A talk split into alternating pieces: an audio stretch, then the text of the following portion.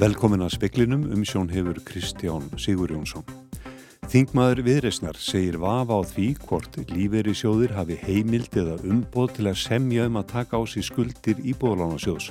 Fráleitt sé að tala um samningaviðraður við lífeyri sjóði um afleita stöðu í ell sjóðs ef það eiga að fara fram undir hótunum um lagasetningu frá ríkistjórnunni. Viðbúið er að fastegna gjöld hækki mikið um áramótin. Mörg sveitafélög virðast ekki ætlað breyðast við hækkun fastegna mats með því að lækka álagsprósentu. Óbreytt prósenta á að skila Reykjavíkuborg yfir 3 miljardum króna í auknar skatteikjur. Bandarísku þingkostningarnar á morgun gætu haft mikla þýðingu fyrir Donald Trump. Hann daðrar mjög við fórsetaframbóð eftir tvö ár en liggur enn undir feldi. Taka þarf á nauðung og þvingun í regluverki í máletum aldrara að mati dósens við Háskóla Íslands. Við Háskóla Íslands. 5% íbúa hjúgrunarheimila er í fjötrum daglega. Þingmaður viðreysnar spurði hvort það væri sandgjant að lífeyristegar og launtegar í landinu tækja á sig tap gamla íbúðalána sjóðs í L-sjóðs í óundirbúnum fyrirspurnum á alþingi í dag. Hún sagði vafa á því hvort ríkið geti breytt leikreglum eftir á. Þorbjörg Sigriður Gunnlaugstóttir, þingmaður viðreysnar, spurði Guðmund Inga Guðbrandsson, félags- og vinnumarkaðsráðherra, hvort hann stitti fjármálaráðherra í því að færa skuldir íbúðalána sjóðs yfir á líferis og launþega í landinu.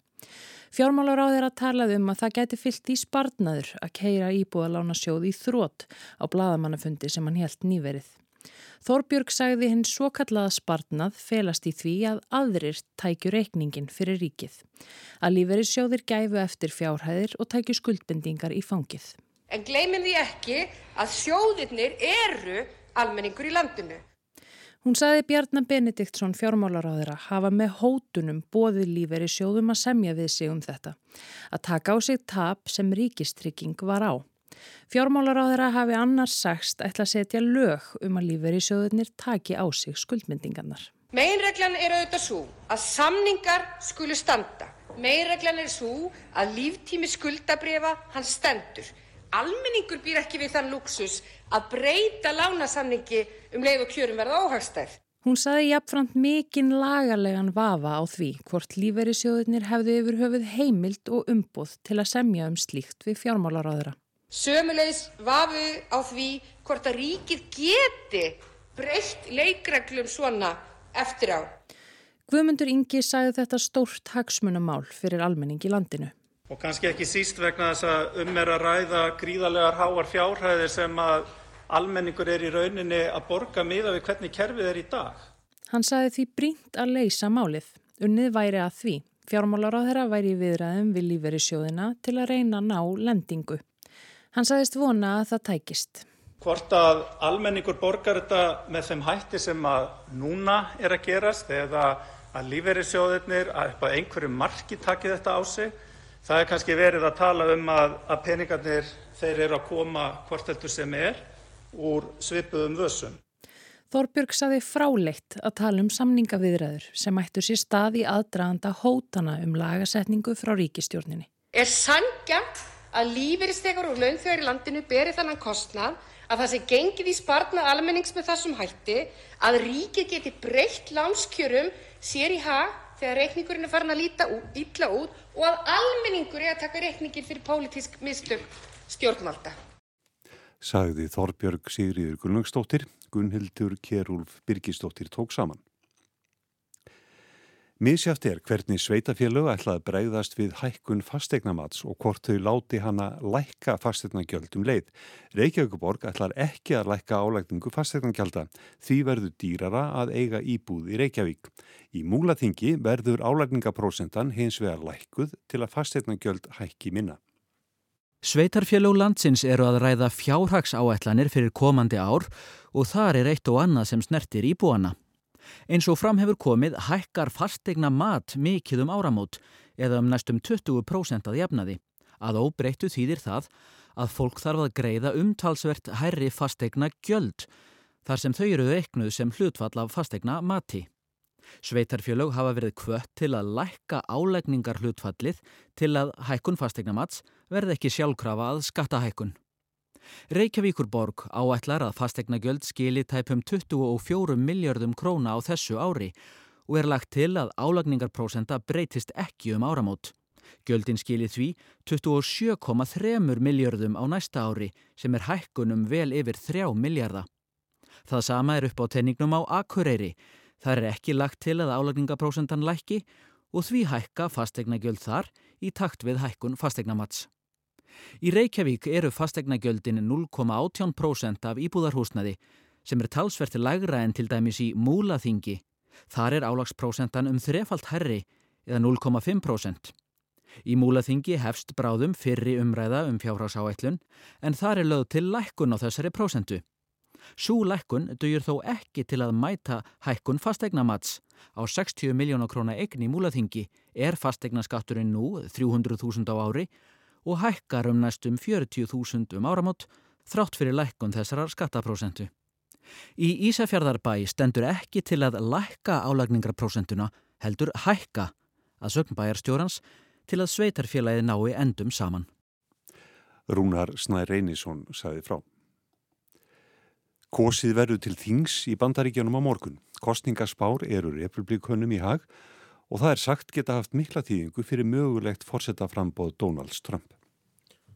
Kostningarnar geta farið á nokkra vegu. Silja Bára Ómarsdóttir, stjórnmálafræði profesor, rýndi í stöðuna á Rás 2 í morgun. Mestar líkur á að, að eh, republikanar takja mistkosti fulltrúadeildina og hafa verið aðeins að eh, stiga upp á við í, í öldungadeildinu líka. Ef þetta gengur eftir og republikanar ná meiri hluta í báðum deildum þingsins geta næstu tvö ár Joe Biden bandrækjafórsata í ennbætti orðið býstna erfið. 40 miljónir hafa þegar greitt atkvæði utan kjörfundar. Það er talsvert meiri fjöldin í síðustu þingostingum. Og margir telja gott gengi republikana geta greitt leið Donalds Trump fyrirverðandi bandrækjafórsata í kvítahósið. Norður Karolína er gott dæmi. Ef frambjóðundur í ríkinu sem njóta stuðnings Trump sigra í kostningunum á morgun getur það þýtt að Trump njóti þar mikils fylgis. Ég bauð mig fram tvísvar, sagði Trump á kostningafundi í gær og til þess að gera bandaríkinn aftur að farsælum, örugu og dýrðilegu landi get ég þurft að gera það aftur. I ran twice, I won twice and I did much better the second time than I did the first. And now, in order to make our country successful safe and glorious, I will probably have to do it again.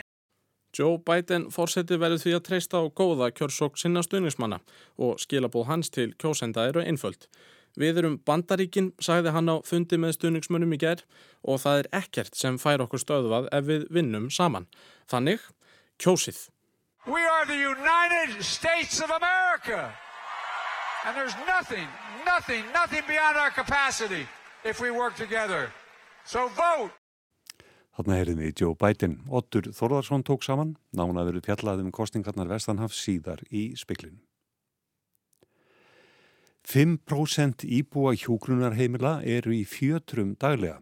Dósent við Háskóla Íslands segir þörfa á réttindagæslumanni í máletnum aldrara og að regluverk taki á nauðung og þvingun. Sigrún Huld Þorgrímsdóttir hjógrunafræðingur sagði í Silurinu í gær að brotið væri á mannréttindum aldraðra á hjógrunarheimilum. Fólk á lokuðum heilabilunadeildum njóti lítillar réttinda og sé lokað inni í trássi við lög og rétt. Haldur S. Guðmundsson, dósend við félagsráðgjá deilt Háskóla Ísland, segir þörf á regluverki í samræmi við það sem er til staðar í málaflokki í falladra.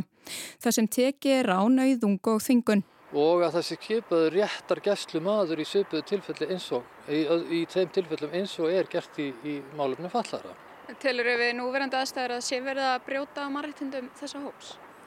Niðurstaðan verður alltaf svo að við erum að mismuna eldra fólki frá því sem við gerum annar staðar. Samkvæmt mælaborði gæða og þjónustu á hjókunarheimilum eru 4,6% íbúa í fjötrum á hverjum degi. Það til þó ekki til dæmi skinnjara, mottur og lokaðar dyr. Haldur segir að í sumum tilvikum geti hömlur verið nöðsynlegar til að tryggja öryggi. Hjúgrunarheimili eigi þó fyrst og fremst að vera heimili þar sem sjálfs ákvörna réttur er virtur. En ef við ætlum að skerða sjálfræði fólks, þá þarf að vera heimilt fyrir því. Saði Haldur S. Guðmundsson. Elsa Maria Guðlaugs Drífudóttir saði frá.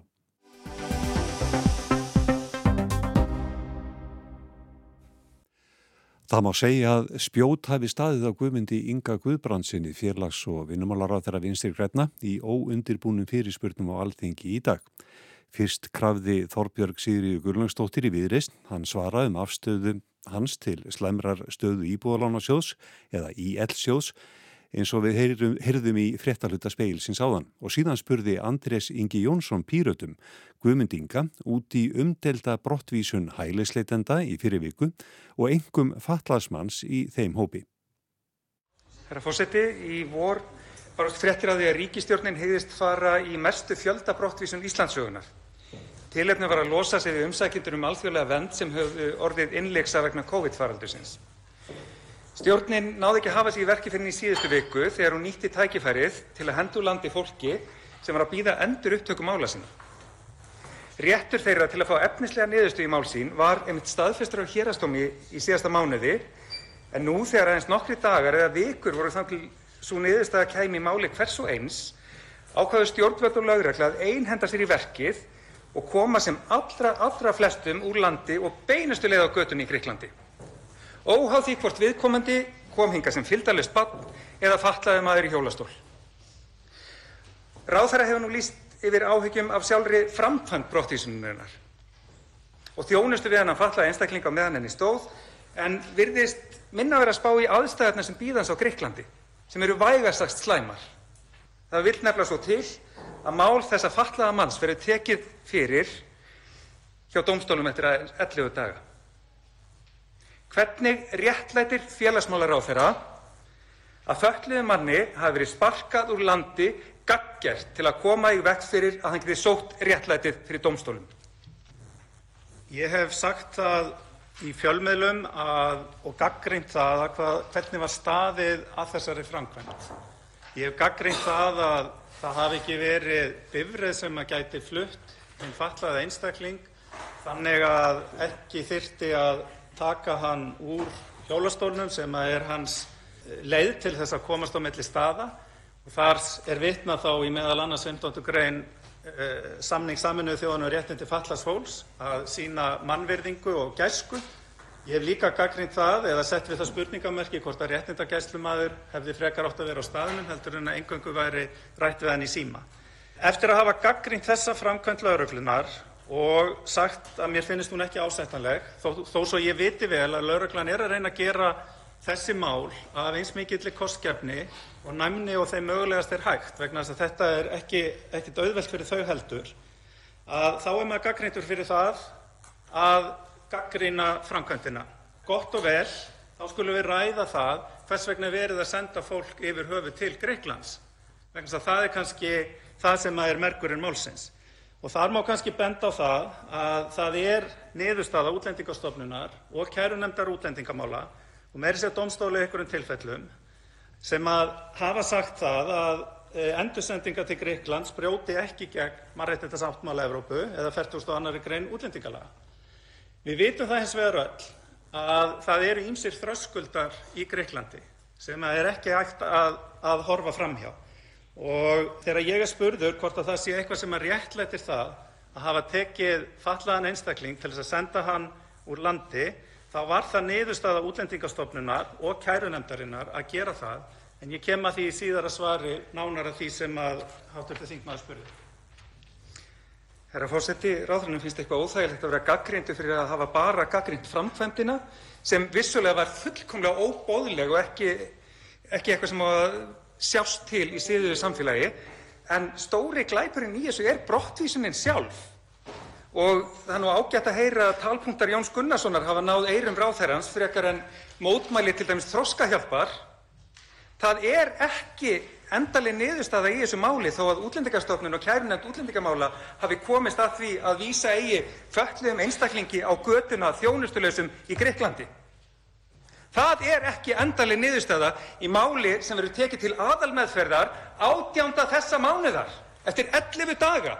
Maður hefði haldið ef ráðherrann hefði snefil að metnaði fyrir málefni fatlaðs fólks þá myndi hann vilja fá niðurstöðu í þetta umdeilda mál.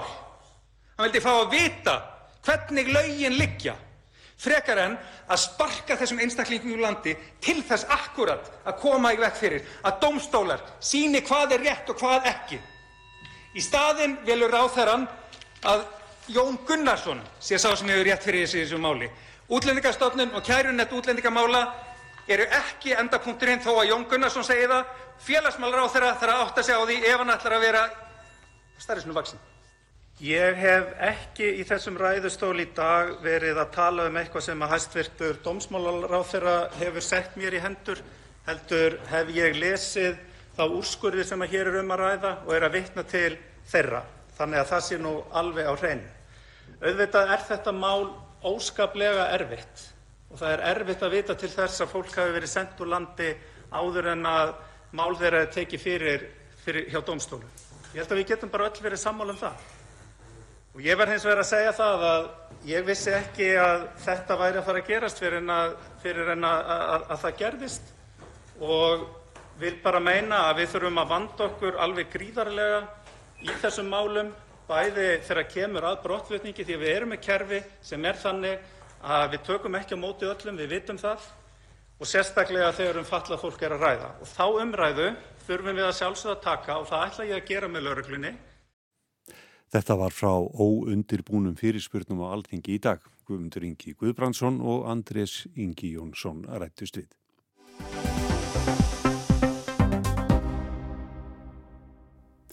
Áhyggjur af efnahagsmálum, verðhækkunum og auknu ofbeldi setja sveipsin á þingkostningar í bandaríkjunum á morgun. Skoðanakannir hafa sínt að dagurinn verður demokrautum erfiður. Kosið verður um öllu 435 þingsætin í fulltrúadeild bandarækja þings og þriðjungi í öldungadeildinni. Fylgið við demokrata og republikana hefur sveplast nokkuð síðustu mánuði. Svo verðist sem þeir síðar nefndu séu á topp á réttum tíma eins og Silja Bára Ómarsdóttir, professor í stjórnmálafræði, kom inn á þegar hún rætti stöðuna á morgunvaktar ásar eitt í morgun.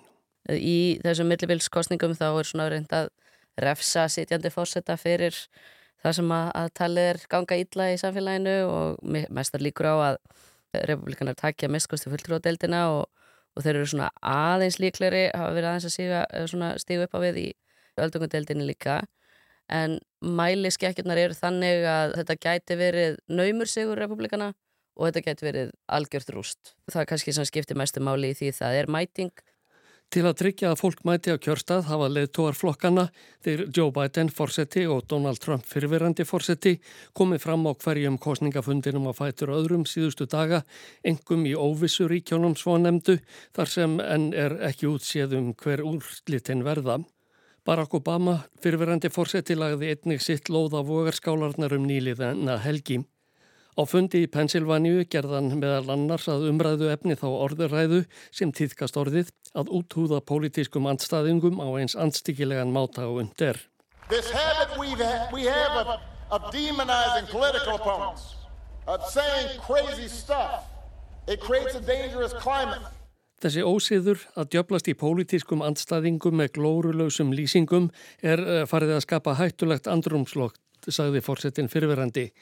Það er eh, sínu verra þegar pólitískir leðtogar stunda þessa ósiði. Þá halda hinnir að öllu sé óhætt. Donald Trump hefur ekki dreyið af sér á kostningasamkomum með republikana að undanförnu.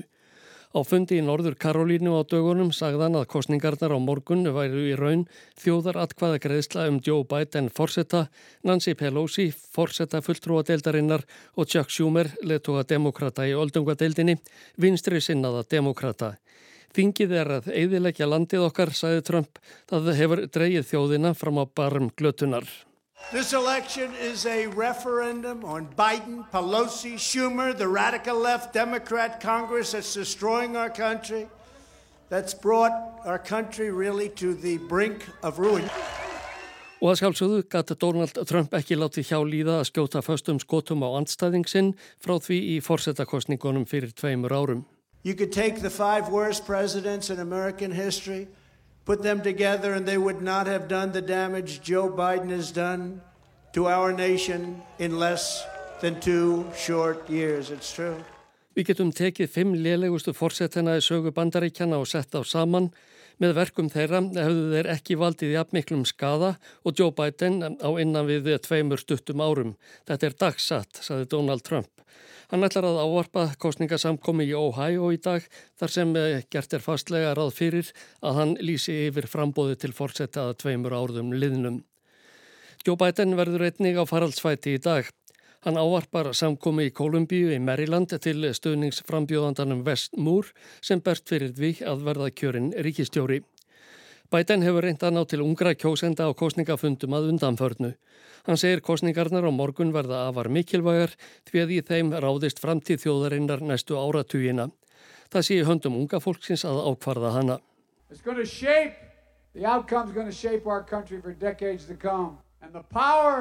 to shape our country for decades to come. And the power Skoðanakannanir í sumar síndu að demokrater yrðu í nokkuð góðum málum í kostningunum á morgun.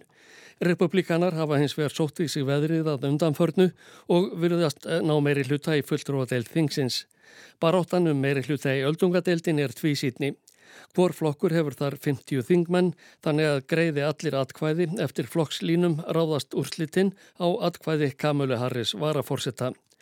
Missi demokrater meiri hlutan í deildinni þingist róðurinn umtalsvert fyrir Joe Biden fórsetta að koma fram stefnumálum sínum og flokksins. Áskýr Tómasson tók saman.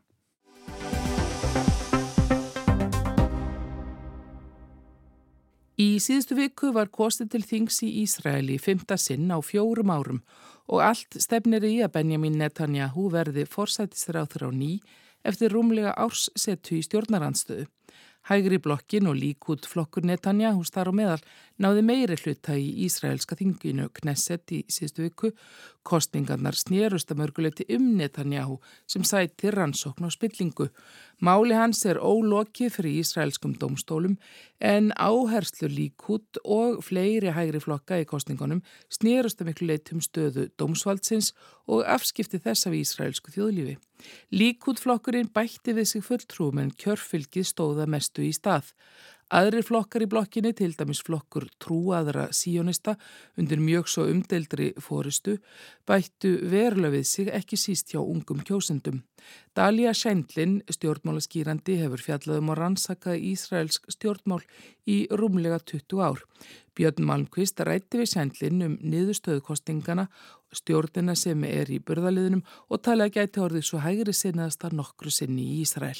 It looks most likely that this will be a government of four parties. Two of them are ultra-orthodox parties who hold Sændin segir útlitt fyrir fjögur að flokka stjórn, tveir þeirra flokkar stráng trúaðara geðinga sem séu mjög langt til hægri. Áður hafi í stefnu slíkra flokka verið aðal áherslan á fjármögrun trúalegra skóla og að tryggja sjálfstæði þeirra og nokkur áhrif trúarlegra málefna á ofnbært líf. En á 8. og 9. áratug síðustu aldar hafi línan hvað varða málefni palestínumanna og landtökubyggða ekki verið eins hörð og nú. Alltaf með í deilum hver hófsum stefnan hafi verið í raun en það sé fullvist að hún er það ekki nú. Stefnan gegn palestínmönnum í málefnu landtökubyggða og í samspili ríkis og trúabræða sem mjög hörð og undarfarið hafa andstaði við dómskerfið í röðum þessara flokka líka vaksið. Fjórði flokkurinn fyrir utan líkutflokkin er flokkur trúaðra síjónista sem bætir þjóðurnisíkju við what we call national religious. So they're different from the ultra-orthodox in terms of their way of life. Fylgismenn trúaðra síjónista haga lífið sín ekki endilega eins og kjósendur flokka stráng trúaðra en stefnaflokksins er miklu harðari í því að treysta og útvíka yfirráð Ísraels á landtökusveðunum og vestubakkanum. Þar eru þeir ekki tilbúinir að taka nokkrum málamiðlunum eða láta land af hendi því slikt myndi vega þeirra áliti að fullveldi Ísraels. Líkútflokkur Netanyahus er með eldstu flokkum í Ísrael og hefur alltaf verið til hægri. Stefna hans hefur líka hardnað á síðust árum hvað varða landtökubiðnar. Likud, along with the other parties, has increasingly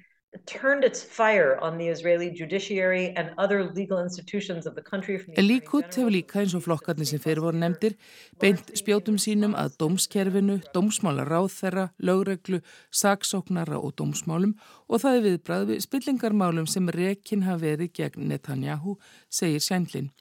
Netanyahu hefur meðal annars verið sakaður um mútur, fjárdrátt og umbóðsvik.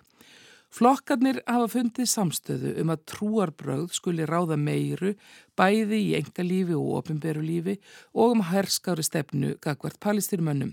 Þeir eru algjörlega ansnúnið því sem kalla hefur verið tveggja ríkja laust og fæli í sér sjálfstæði palestinskra svæða. Þar er afstafan frekar svo að innlima sem mest í Ísraels ríki. Öllu skiptir að taka skref sem tryggja að gýðingdómur skipti miklu í öllu lífi Ísraela. Fyrir palestinumenn sem búa á vesturbakkanum eða gasasvæðinu þýtti ný ríkistjórn ofangarindra flokka erfiðra hlutskipti en það er nú þegar, segir Sjændlin. Málflutningur ríkistjórnarna sem hverfur frá völdum var kannski mildari en stefnan var samt hörð, segir hún. Talum tveggja ríkja lausna á alþjóðali vettvangi hafi litlu skilaði átt að lausnum heima fyrir og það þrengdi enn af palestinumönnum sem búa á vesturbakkanum. Það sem nú geti helst breyst er bara það að þrýstingurinn eikst enn fyrir stjórn hafði þegar látið undan í þessum málum.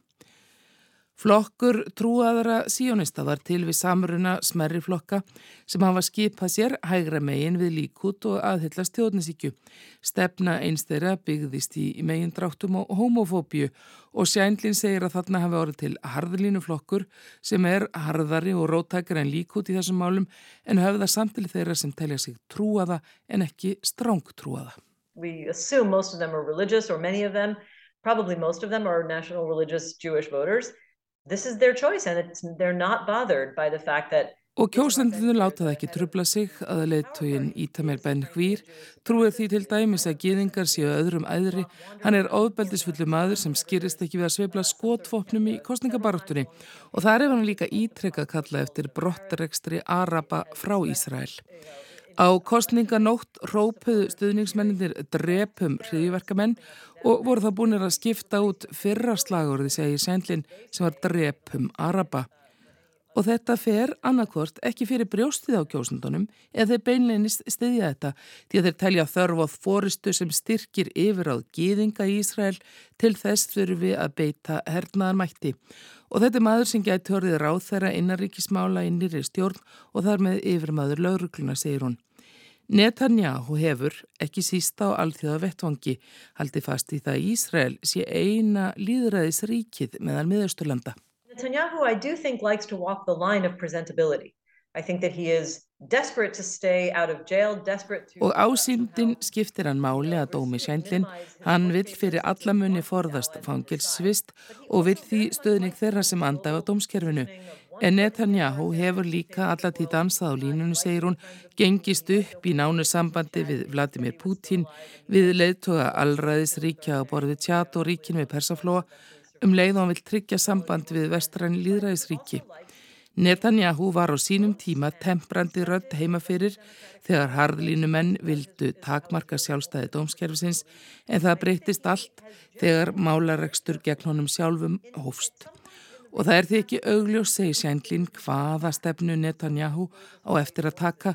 Sumir greindu sáttatón í ræðans og kostninganótt en það var alls ekki augljóst að hennar mati. It's very hard to know what position he'll take now. He gave what some people saw as a conciliatory speech on election night. I read the speech start to finish. I didn't think it was so conciliatory, but he did say this is the time to heal the wounds. Maybe that's what people are referring to. Þetta var Dalia Sendlin í samtali við Björn Malkvist. Anna Kristín Jónsdóttir tók saman. Veðurstofan spáir norðaustan 10 til 18 metrum á sekundu á morgun en 15 til 25 um tíma á Suðausturlandi. Kvassast verður í öræfum. Ryggning með köplum í flestum landslutum, engum austanlands, en þurftað mestu suðvestan til framundir kvöld. Hiti þrjú til 8 stigadeginum hlýjast siðst og veðurstofan varar við norðaustan kvassviðrinu í öræfum í kvöld og stormu um tíma á morgun. Aðstæður geta orði hættulegar og búa smá við samgangutröflunum og sandfóki. Það var helst í speklinum í kvöld að þingmaði viðreysnar segir vafa á því hvort lífeyrisjóðir hafi heimild eða umbóð til að semja um að taka á sig skuldir íbúðalarnasjóðs í L-sjóðs. Fráleitt sé að tala um samningaviðraður við lífeyrisjóði um afleita stöðu sjóðsins ef það eiga að fara fram undir hótunum um lagasetningu frá ríkistjóðinni. Viðbúið er að fastegnagjöld hækki mikið um áramótin, mörg sveitafélög virðast ekki ætla að breyðast við hækkun fastegnamats með því að lækka álagsprósentu. Bandarísku þingkostingarnar á morgun gætu haft mikla tíðingu fyrir Donald Trump. Hann daðir að mjög við fórsetaframbóð eftir tvö ár en liggur enn undir feldi. Fleira er ekki í speklinum í kvöld, tæknimaður var Mark Eldred, veriði sæl.